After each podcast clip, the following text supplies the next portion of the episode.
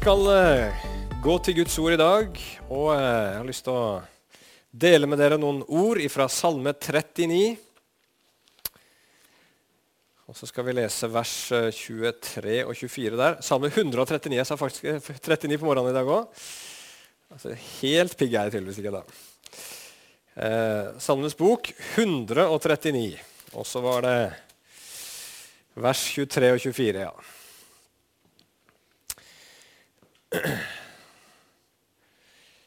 Salme 139, vers 23 og 24. Der står det:" Ransak meg, Gud, og kjenn mitt hjerte.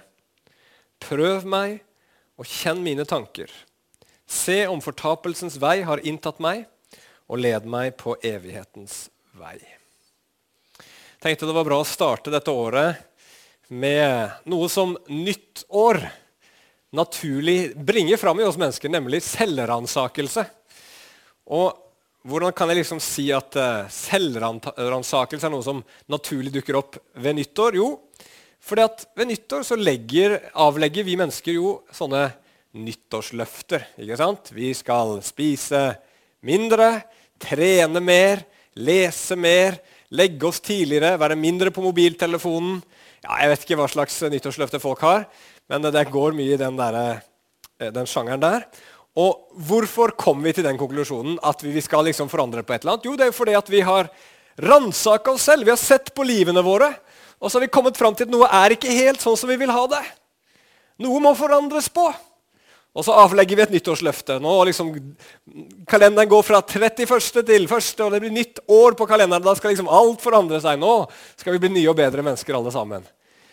Men den selvransakelsen den ligger veldig naturlig for oss når det liksom kommer et sånt nytt kapittel. Eh, og mennesker ransaker seg selv, og vi kristne bør definitivt også gjøre det. Men kristen selvransakelse har noen forskjeller til det som kalles eh, det som verden gjør når de ransaker seg selv. For det første så står det mye mer på spill. Det er liksom ikke bare fettet på kroppen som det handler om. Eh, selvransakelsen som vi kristne driver med, går dypere. Og så fører den heldigvis til en annen metode enn å bare avlegge et nyttårsløfte. Så jeg skal si litt i dag om hvorfor du og jeg trenger ved jevne mellomrom å ransake oss selv, og hvordan vi gjør det. Og så til slutt litt hva den eh, selvransakelsen da må føre til. Så skal vi be en bønn, og så begynner vi. Kjære himmelske Far, må du bare komme med din Hellige Ånd og hjelpe oss, Herre, ikke bare til å forstå det som jeg skal dele akkurat nå, men til å ransake våre hjerter. Helligånd, kom mens jeg taler, og arbeid med hjertene våre, Herre, og la ting få komme fram i lyset. La oss få se oss selv på en tydeligere og bedre måte, Herre, sånn at vi kan gjøre det som du ønsker at vi skal gjøre med livene våre. I Jesu navn. Amen. Det blir jo ikke alltid sånn kjempegod stemning når pastoren sier nå skal vi snakke om selvransakelse. Det er ikke sånn kjempebehagelig tema, er det det? Og Det er litt av samme grunnen som at en eksamen ikke er så veldig behagelig heller. Er det noen som husker hvordan det var å sitte der på morgenen når det var eksamen, prøve, og du bare kjenner at kroppen er anspent, og uh, det er liksom en egen stemning i hele klasserommet? Og du sitter der og fingrer med den der blyanten din og bare venter på at ting skal skje. Og så trekker du pusten i den der, det arket kommer ned på pulten din, og så snur du det. Og så håper du at det er noe du har lest på. ikke sant? Noen som kjenner seg igjen? Ja, det bringer fram gode minner fra en fjern fortid for noen av oss. Men hvorfor er det så ubehagelig med eksamen? Jo, fordi vi vet at tenk om jeg ikke består! Tenk om det ikke går bra! Tenk om jeg ikke får dette til! Tenk om dette her blir en dårlig karakter. Og Det samme er det med selvransakelsen. Når, når jeg skal sette meg ned og tenke om mitt liv, så er det ubehagelig, for det kan jo da hende at det kanskje er noe i mitt liv som ikke er helt sånn som det burde og skulle være. Eller Bare nikk forsiktig hvis du da. ja, da. Vi vet det alle sammen. Det er ikke så hyggelig å tenke på. Det er mye enklere å bare leve lykkelig i sin uvitenhet. og bare liksom tenke alt er bra med meg, alt er sikkert fint. Det du ikke vet, har du ikke vondt av, er noe som heter. Men kanskje, er, kanskje, det ikke er helt sånn at det vi ikke vet, det har vi ikke vondt av. F.eks. legen. Legen du går til. Er du ikke glad for at han legen der har gått gjennom en del eksamener i sin studietid at han ble prøvd underveis for å se om han faktisk kunne det han skulle kunne. Er ikke det litt fint før han liksom skal operere på din kropp og begynne å skjære i deg? Og skal han operere nyrene, så vet han ikke forskjell på nyre og, og lunge, f.eks. Det er jo fordel at han har vært gjennom en del eksamener, sånn at han vet hva som er hva inni kroppen vår. Ja, det er fint. Og det er likevel sånn at for legestudenten så er det litt ubehagelig. Det er jo ikke kjekt for han å gå til alle disse eksamene, eller henne. Og måtte jobbe og streve og kanskje få en dårlig karakter, eller kanskje måtte ta en eksamen om igjen. og liksom Få alt dette inn i hodet. Det er krevende. Men det fine med det her er jo det at når vi har et sånt system som det, hvor det fins eksamener for de som skal bli leger, så vet vi at den dagen legen kommer, med kniven i hånda, og du ligger i narkose og kan ikke gjøre noen som helst motstand. Eller kan ikke liksom, gi din godkjennelse til noen ting som helst. Er det her jeg skal skjære? Er det her jeg skal skjære? Er det her gjør vondt? Er det her gjør vondt? Det vet du ikke, for du sover. Da er det veldig godt å vite at den legen har gått gjennom mange eksamener og vet hva han eller hun holder på med. Og Hvis vi ikke gjorde det på den måten, så ville vi jo satt menneskers liv og helse på spill. ikke sant? Og Når det gjelder kristen selvransakelse, så er det litt det samme prinsippet, men her står det enda mer på spill. Her er det din evighet det handler om, som vi hørte her i Salme 139. En dag, og det er viktig å tenke på, en dag skal du og jeg stå framfor Gud. Og da skal våre liv prøves. Gud skal se, står det her i Salme 139, hva som er på innsiden av oss. Og så er det det som skal avgjøre vår evighet. Og Er det ikke da litt lurt å sjekke ved jevne mellomrom hvor vi er på vei? Hvordan det står til på innsiden, i stedet for å leve i et konstant selvbedrag og håpe på det beste, og så gå evig fortapt? Er det ubehagelig å ransake seg selv? Uten tvil. Men det er enda verre å stå framfor Gud den dagen og tenke åh, Hvorfor gjorde jeg ikke dette før? Hvorfor stilte jeg ikke disse spørsmålene her før? For det fine med å ransake seg selv nå, det er at nå er det håp, nå er det muligheter, nå kan ting forandres. Nå kommer det nye år hele veien, du kan avlegge nyttårsløfter og du kan gjøre noe med livet ditt. Mens den dagen da du og jeg står framfor Gud, og dommen faller, så er avgjørelsen tatt for all evighet. Og da er det for seint. Da er det ingen vei tilbake.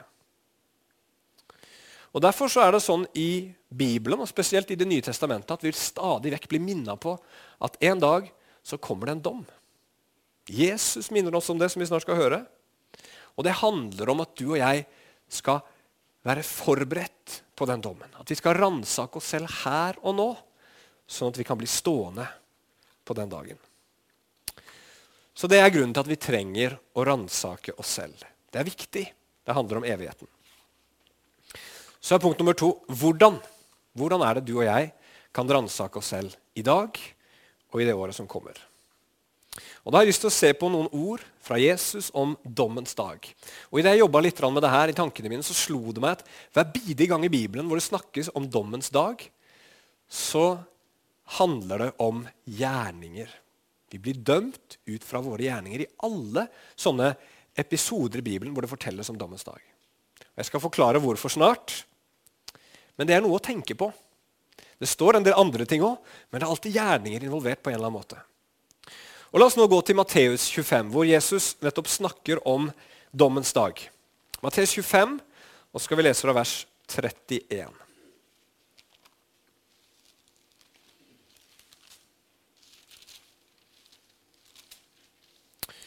Og Der sier Jesus denne lignelsen her. Det er en slags mellomting mellom en lignelse og, og, og en, en, slags profeti. Da. Når menneskesønnen kommer i sin herlighet og alle de hellige englene med ham, da skal han sitte på sin herlighets trone. Og alle folkeslagene skal bli samlet framfor ham, og han skal skille dem fra hverandre, slik som en gjeter skiller sauene fra geitene. Og han skal stille sauene ved sin høyre side, men geitene ved sin venstre. Så skal kongen si til dem ved sin høyre side.: Kom, dere som er velsignet av min far. arv det riket som er gjort ferdig for dere fra verdens grunnvoll ble lagt. For jeg var sulten, og dere ga meg mat. Jeg var tørst, og dere ga meg drikke. Jeg var en fremmed, og dere tok imot meg. Jeg var naken, og dere kledde meg. Jeg var syk, og dere besøkte meg. Jeg var i fengsel, og dere kom til meg. Da skal de rettferdige svare ham og si, Herre, når så vi deg sulten og mettet deg, eller tørst og ga deg å drikke?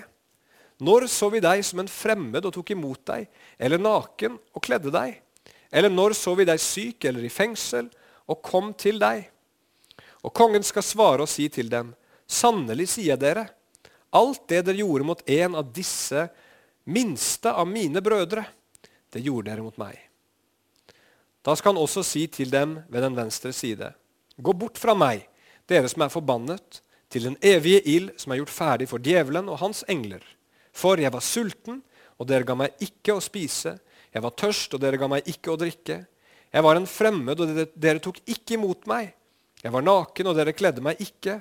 Jeg var syk og i fengsel, og dere besøkte meg ikke. Da skal også de svare ham og si, Herre, når så vi deg sulten eller tørst eller som en fremmed eller naken eller syk eller i fengsel uten å tjene deg? Da skal han svare dem og si, sannelig sier jeg dere, alt det som dere ikke gjorde mot en av disse mine minste, det gjorde dere heller ikke mot meg. Og disse skal gå bort til evig straff, men de rettferdige til evig liv. Dette her er alvorlige ord. Det er ord som, som får oss til å tenke. Og det som, det som er tydelig her, det er at når dommens dag kommer, når denne verdens historie er slutt, så skal det være to og bare to grupper med mennesker, som her symboliseres med geitene og med sauene. Og geitene de går evig fortapt, men sauene de får evig liv. Og så er spørsmålet hva er det da som avgjør deres evighet? Jo, Jesus sier det tydelig her hva de gjorde mot de som Jesus kaller hans minste brødre og som Jesus sier, representerer han sjøl. Det dere gjorde mot disse minste, det gjorde dere mot meg. Disse minste brødrene var sultne, de var tørste, fremmede, nakne, syke, i fengsel. Og så ble de ignorert av geitene, men sauene de tjente dem og fylte behovene deres. Og Hvordan i verden skal vi forstå det som står her? Er det sånn at at vi ved å gjøre gode gjerninger kan frelse oss selv og gjøre oss fortjent til det evige livet. Er det det Bibelen lærer oss? Nei, Bibelen er soleklar på det området. Og Det tydeligste stedet vi ser det, synes jeg i hvert fall, er hos Paulus i Efesbrevet kapittel 2, vers 8 og 9. Der står det For av nåde er dere frelst ved tro. Det er ikke av dere selv, så det er ikke noe som vi gjør men det er Guds gave. Det er ikke av gjerninger, står det, for at ingen skal rose seg. Ingen kan komme til himmelen og si 'Se her! Jo, jeg klarte det! Se så bra jeg er!' Som får lov til å være her i himmelen i all evighet. Sånn er det bare ikke. Alle sammen skal takke én i himmelen. Og det er Gud selv. Den treende Gud, Fader, Sønn og Hellig Ånd. For det er Guds fortjeneste at vi er der. Men da er det jo et stort spørsmål. Hva i all verden er det som står her? Hvorfor sier Jesus det? Og så sier Paulus på en måte noe som virker helt annerledes. Jo, jeg tror at det som skjer her, det er det som Jesus snakker om i Matteus 7, hvor treet dømmes ut ifra frukten. Bærer treet god frukt, så er det et godt tre. Bærer treet dårlig frukt, så er det et dårlig tre. Og mange ganger så er det sånn at Den beste måten å finne ut hva som er på innsiden av, et, av noe, er å se hvordan den tingen oppfører seg på utsiden. F.eks. et egg. Hvis du har et egg og du er usikker på om det er rått eller om det er kokt, så kan du jo liksom åpne det, men det er litt dumt hvis det ikke var kokt og du gjerne ville ha et kokt egg. Eh, men det du kan gjøre, og det vet sikkert de fleste, at hvis du snurrer det, så oppfører et kokt og et rått egg seg veldig annerledes. Et Kokt egg snurrer og snurrer og snurrer i full fart, mens et rått egg vil stoppe veldig raskt fordi massen inni beveger seg. Eller Hvis du har to helt identiske ballonger, den ene er fylt med helium, den andre er fylt med luft, så er det veldig lett å se hvem som er hvem, eller hvilken som er hvilken. ved å se hvordan de oppfører seg. Ballongen med helium den vil stige opp, og ballongen med luft den vil gå nedover.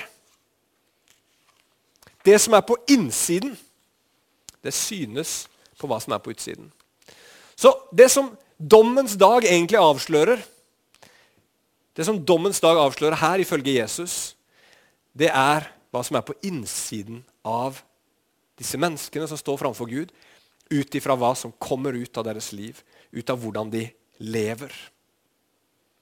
Og Hvis vi skal oppsummere sauene, de som får det evige livet, vi skal oppsummere hva som preger deres liv, så kan vi si det veldig enkelt at deres liv, de som får det evige livet, de har liv som er prega av uselvisk kjærlighet og ydmykhet. Bare tenk på hvordan det var på den tiden å skulle være en som kledde og mata de fattige. Kårene var trangere enn de er nå.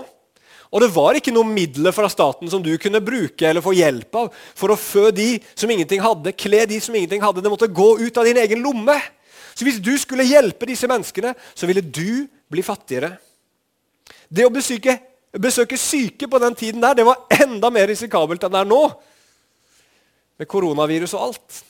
For På den tiden var det jo ingen som visste noen ting nærmest om sykdommer. sammenlignet med hva vi vet nå. Ingen som visste hva en bakterie var, virus var. Ingen som visste hva som var smittsomt og hva som ikke var smittsomt nødvendigvis. Og det å da gå og besøke et sykt menneske på den tiden, det var jo å utsette seg selv for en risiko. Det å ta imot fremmede på den tiden, det var også, som i dag, litt eh, stigmatiserende. Det kunne koste deg ditt gode navn og rykte. Se hvem han henger sammen med, hvem han bruker tid med. Det er ikke sånn at de som kommer til landet her, har så godt rykte i alle sammenhenger. Og hvis du skal da bry deg om dem, så kan det gå utover ditt gode navn og rykte. Og det kunne være dyrt òg. De fremmede som kom, var ofte fattige. Og hvis du skulle ta deg av de, så ville koste deg noe. Besøke fanger i fengselet var dyrt, for de hadde gjerne ikke mat. Og de måtte ha noen som kom til dem og ga dem det de trengte. For de fikk ikke det i fengselet. Så dette her er mennesker som, som tjener uselvisk andre mennesker. Og antageligvis, fordi mennesker er de samme nå som da, så høsta de sikkert en god del utakknemlighet òg. Vet hvordan det er når du prøver å hjelpe mennesker? Det er ikke alltid at de er så glade for det. Nei. Mange ganger så kan du bli frustrert når du prøver å gjøre godt mot andre mennesker. Så hvorfor i all verden gjør man det da? Hvorfor skal vi gjøre godt mot andre mennesker som er til og med utakknemlige, når det koster oss så mye? Når alle mennesker kan gjøre gode gjerninger, og, og, og gjør det, hvis det ikke koster for mye. Og gjerne hvis det gir litt ekstra sosial status og viser at man gjør noe godt. Gjerne hvis man har en eller annen religion som gjør at du får en bonus, en pluss, en åpen vei til himmelen fordi du gjør det gode. Gjerne hvis det gir deg en god følelse. Ah, 'Jeg er et godt menneske. Tenk på alt det gode jeg gjør.' Ah, det føles så godt. Jeg har jo nevnt det her før på beten. Jeg føler det er lenge siden jeg har nevnt det, så jeg kan nevne det igjen. Jeg synes det er så fascinerende å høre på disse kjendisene som kanskje rundt juletider og sånn forteller oss hvorfor de er med på en eller annen TV-aksjon eller er med og liksom deler ut mat til de fattige. Eller så spør de ja, hvorfor gjør du det. Nei, det føles så godt, sier de ofte. Og Det er jo greit, det er ikke noe galt med det, men det, handler, det sier bare litt hvem er det du gjør dette for. Til syvende og sist så er vi mennesker sånn at vi gjør ting for oss sjøl. Og, og, og, og, vi kan strekke oss litt, men det må ikke koste oss altfor mye. Det er normal menneskelig oppførsel. Men hva slags type mennesker er det som bøyer seg ned og tjener andre mennesker når det virkelig koster noe, og når man ikke vinner noe på det sjøl? Den type mennesker er ikke av denne verden. Og det er de menneskene Jesus snakker om her. Og disse menneskene de gjorde det for Jesus, men de var ikke klar over at det var for ham. Hva betyr det? Jo, det betyr at Jesu kjærlighet prega deres liv så mye at de gjorde godt mot alle de menneskene som de kom i kontakt med. Og de gjorde det uten fortjeneste. Så det spørsmålet jeg tenker at vi alle sammen, kanskje det viktigste spørsmålet vi trenger å stille oss når vi skal ransake oss selv, det er det her. Hvor mye preges mitt liv av selvoppofrende kjærlighet og tjeneste for andre mennesker? Og hvor mye av mitt liv dreier seg om meg og mine behov? Og Da kan du tenke på tankelivet ditt. altså Hvor mye av mine tanker kretser om meg og mine behov. Tenk på bønnelivet ditt. Hvor mye av det kretser rundt deg sjøl og, og, dine nærmeste. Tenk på bankkontoen din, økonomien din. Hvor mye av det handler om deg og tidsbruken din? Og nå er det alltid, Vi er veldig forskjellige med noen mennesker. Når de, når de hører noen si noe sånt, så, så, sier man veldig fort ja, men skal jeg ikke få noen ting tid til meg sjøl? Skal jeg ikke få lov å bruke noen penger på meg sjøl? Men det er ikke det det handler om. Klart det. Vi skal ikke liksom eh, eh, gå til grunne. Men som oftest er det ikke der skoen trykker. ikke sant? Det er som oftest at det blir fryktelig mye oss selv og veldig lite av de andre. Så Når du og jeg skal ransake oss selv, så må vi tenke disse tankene, og så må vi be til Gud. Sånn som salmisten ba her i Salme 139. Gud, ransak meg og kjenn mitt hjerte. Vis meg, Gud, hva som er på innsiden. Vis meg sannheten om meg sjøl. Ikke sånn som vi ofte ber når det er eksamen. Gud, gi meg best mulig karakter. Nei, ikke sånn. Gud, vis meg sannheten om meg selv, så at jeg kan se hvem jeg er. Og så er det utrolig viktig at du ikke sammenligner deg med sidemannen din. Da kan vi komme i fare for å sammenligne oss med en som garantert ikke er så bra som deg. Og da føler man seg så god. Uh, ja, se på han der. Det må jo stå kjempebra til med meg, for jeg, jeg holder jo ikke på sånn som han.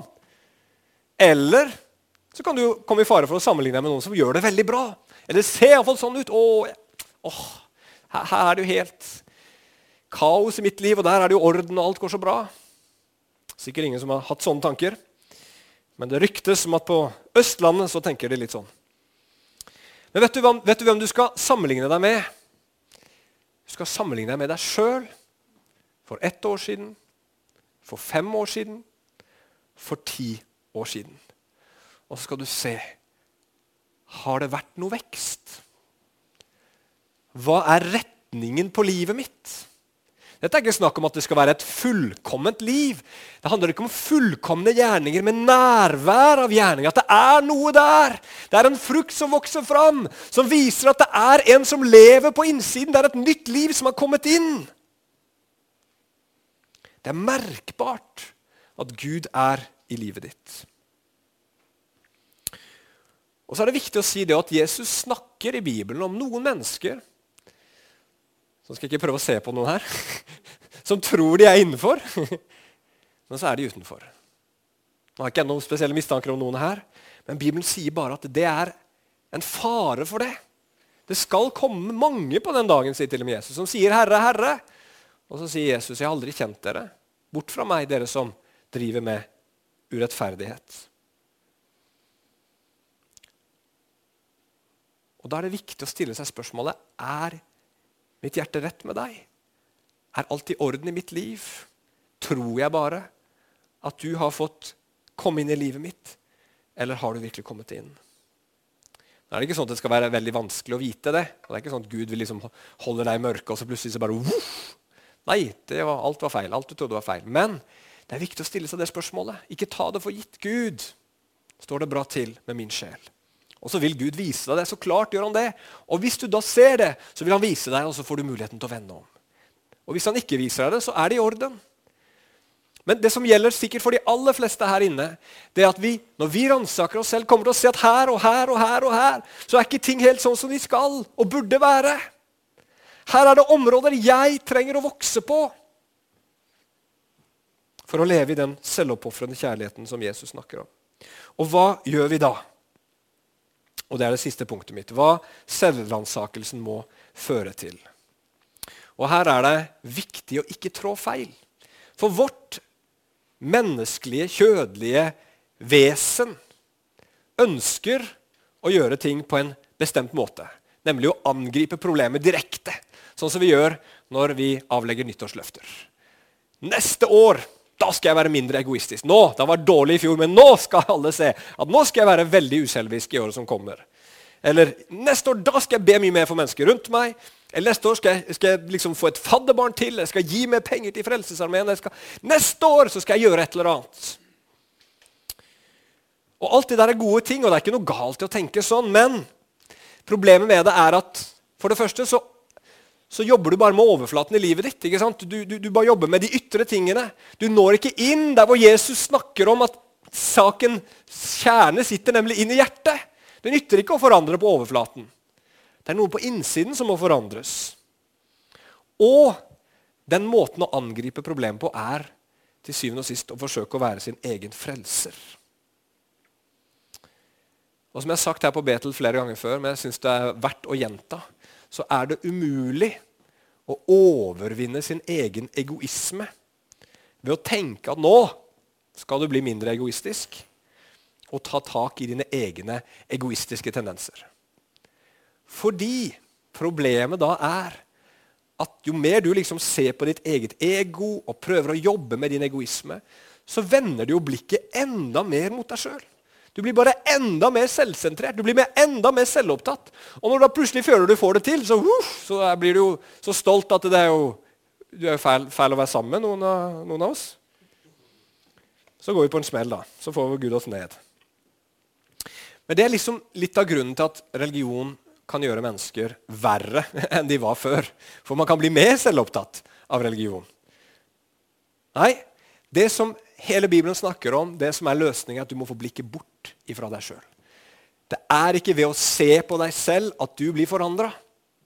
Og det er her evangeliet kommer inn. Og Jeg syns det var så gøy når jeg kikka på denne historien her, denne lignelsen som Jesus forteller, i Matteus kapittel 25, og så se at i kapittel 26 det første Jesus sier etterpå, i kapittel 26, vers 2, er følgende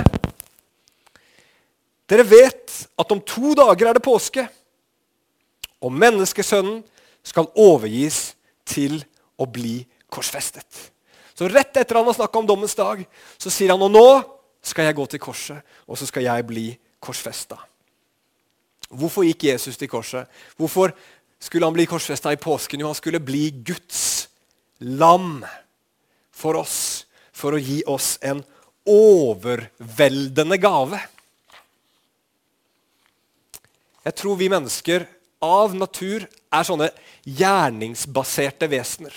Vi lever hele veien ut ifra gjerninger, og vi tenker hvis jeg bare gjør de rette tingene Enten om du er kristen eller ikke kristen, bare jeg gjør de rette tingene, bare jeg oppfører meg fint, jeg oppfører meg bra Prøver så godt vi kan, så skjer forhåpentligvis ikke de tingene jeg frykter for med livene mine. I hvert fall ikke så fort, ikke så snart. For vi går alle sammen rundt og har en sånn tanke i bakhodet om at et eller annet fryktelig kommer til å skje med oss. Økonomisk ruin. Skam og nederlag. Sykdom og smerte. Et vanskelig liv. Vi går rundt med en sånn frykt alle sammen. Og så prøver vi så godt vi kan å leve livene våre så bra vi klarer for å unngå at det skal skje med oss. Det er å leve et gjerningsbasert liv. Men når Jesus går til korset, så sier han Jeg tar på meg det du frykter for. Jeg tar på meg den forbannelsen som du innerst inne vet du fortjener. Så tar jeg den i ditt sted, så at du ikke lenger skal bli ramma av den. Og så gir jeg deg, sier Jesus, min arv, min del, det, det jeg har framfor Gud, det blir ditt. Renhet, rettferdighet, hellighet, Guds kjærlighet. Få lov til å være barn av Gud og få lov til å leve i all evighet. Det gir jeg til deg. Tror du på det?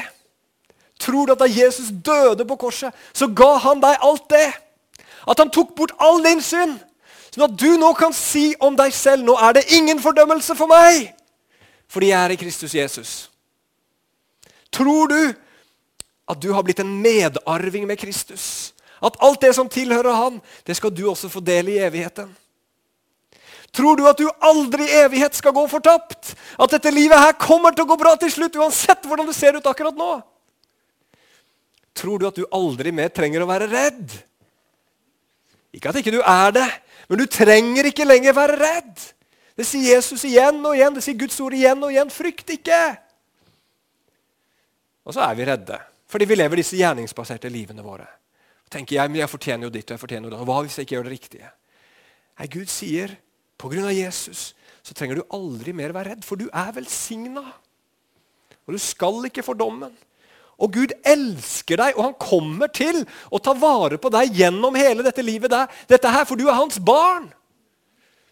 Og Uansett hva du møter, så skal han føre deg gjennom det. Og alt det der er av nåde.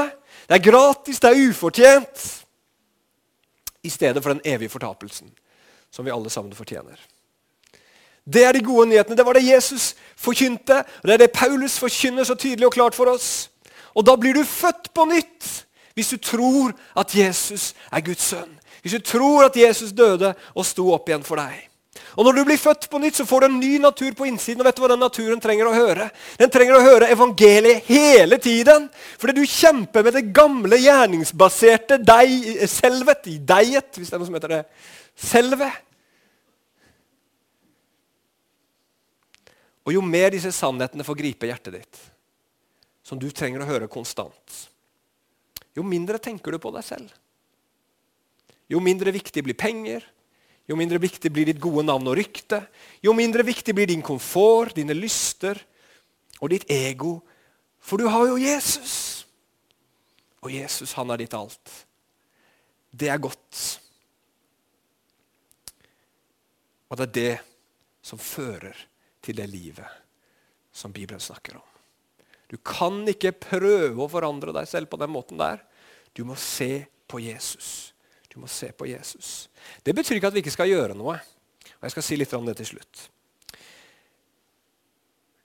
Rent praktisk så tror jeg du og jeg trenger å gjøre sånn som Paulus veldig ofte legger opp til i brevene sine. I mange brever, og jeg synes Efeserbrevet er det klassiske eksempelet på det, så legger han først ut evangeliet på en fantastisk måte. Han liksom åpenbare fasetten og skjønnheten og storheten i det. Og så sier han nå som dere er Guds barn, som dere er tilgitt, som dere er frelst, så lev da ikke lenger på den måten, men lev nå på denne måten. Og Da vil jeg påstå det, at vi trenger også å, gjøre, å følge de to prinsippene. Du og jeg trenger i 2021 å tenke mer på og grunne mer på evangeliet. Salig er den mann som har sin glede i Herrens lov, i Herrens ord, og grunner på det dag og natt. Han skal være som en, et tre plantet ved bekker av vann, som gir sin frukt i sin tid, som har blader som aldri skal visne, og alt det han gjør, skal lykkes, står det i Salme 1. Å grunne på dette evangeliet, det er livgivende. Pris Gud mer for det, takk ham mer for det. Grav dypere ned i det når du leser Guds ord. Prøv å se evangeliet over alt hvor du er i Bibelen. Og så må du be Gud, sånn som Arne ba her og leste her innledningsvis, om at han skal åpenbare for deg lengden og bredden, dybden og høyden, så du kan kjenne Kristi kjærlighet, som overgår all forstand. Og så kan du bli fylt, står det, med hele Guds fylde. Og da trenger du og jeg rom, tid for det. Har du tid? Har du faste punkter i ditt liv hvor du setter deg ned, og du leser Guds ord, og du ber til Gud, og du grunner på det som du har lest, og takker han for det. Har du ikke det, så må du ha det. Ikke fordi Gud skal bli glad, men fordi du trenger det. Og jo, jo før du oppdager det, jo bedre. For det følger så mye velsignelse med det. Og når du setter deg ned for å be, er det liksom bare sånn at blir, du ber for alt og alt mulig av ting som skal forandre seg? Eller bruker du også tid nettopp på det å takke Gud? Og takke ham for disse tingene, og la disse tingene få, få jobbe seg inn og bli elta inn i hjertet ditt. Og så er det viktig også å ha fellesskapet. Veldig fint med bønnemøtene. Da hjelper vi hverandre med det. Vi ber ikke bare for andre menneskers behov, men vi priser Gud sammen. Og så blir Jesus stor for oss. Så det er det ene. Rådet mitt om du skal ha et nyttårsforsett for 2021 mer eller bedre og mer ja, i hvert fall bedre, mer kvalitet, fokus, på den tiden du bruker sammen med Gud. At du har sånn en tid. Og så det andre vi trenger å gjøre, som Paulus sier til oss, når dette evangeliet da er en realitet i våre liv, når det er sant om meg, alt det som Bibelen sier, så vil jeg nå begynne å leve etter det. Hvordan kan jeg justere økonomien min? Hvordan kan jeg justere tidsbruken min? På hvilken måte kan mitt liv, motivert av Jesu kjærlighet for meg, som flyter over, være en større velsignelse for mennesker rundt meg, og spesielt de svake og de små? Og jeg må si det til eh, avslutninga. Jeg synes det er veldig fint. Jeg har vært litt ned på asylmottaket. Ikke så mye som jeg skulle ønske, men jeg har vært litt der nede. Og når jeg treffer mennesker som er på besøk hos de som er nede på asylmottaket, så er det i ni av ti tilfeller kristne som er der. De fremmede som kommer til landet vårt. Som er der nede for å snakke med dem, eh, inkludere dem, bry seg om dem. Det syns jeg er et bra vitnesbyrd. Samuel han, han, har vært der nede. Han vet hvordan det er. Det er ikke sikkert det enkleste livet. Så kommer det noen, og så snakker de, og så bryr de seg, og så er de der for dem. Det vitner om at det er noe som lever på innsiden. Og la oss alle sammen leve det ut. La det som vi har tatt imot, får prege livene våre enda mer. At vi fyller oss mer med det, at vi gleder oss mer, mer, mer over det. At vi ser hvor stort det er. Tenk at du av alle mennesker skal få lov til å være et Guds barn. Tenk at du skulle få det vanvittige privilegiet at himmelens og jordens skaper skulle se deg og si 'Han eller henne elsker jeg'. Og jeg skammer meg ikke over dem. Jeg bryr meg om dem, og jeg har bestemt meg for at jeg skal ta vare på det mennesket der gjennom hele livet og føre det inn i en evighet sammen med meg. Det er litt stort, da. Jeg kan smile litt på slutten av talen da når jeg sier det på slutten av denne talen om selvransakelse. Ok, la oss be til slutt. Kjære himmelske Far. Å Gud, du er så uendelig vidunderlig god. Og Herre, vi, vi, forstår det ikke fullt ut, Herre. Vi, vi surmuler, Herre, når uh, ting ikke går sånn som vi ville ha det. Når vi ikke fikk den maten vi ville ha, kanskje. Eller når uh, et eller annet stakk kjepper i hjulet for planene våre. Eller ting som vi hadde planlagt, det, det, det, det ble ikke noe av. Herre, du ser hvor, hvor lett vi blir gretne og sure og utakknemlige. Men bare hjelp oss Herre, til å få et litt større perspektiv på livene våre. Og se hva det vil si å få lov til å kalle seg en kristen. Hva det vil si å få lov til å ha Jesus boende i hjertet. Og la det blomstre fram i dette året. her. La det bære mye frukt, Herre. Og la det, til, la det føre til selvoppofrende kjærlighet, Herre. Det ber vi om i Jesu navn. Amen.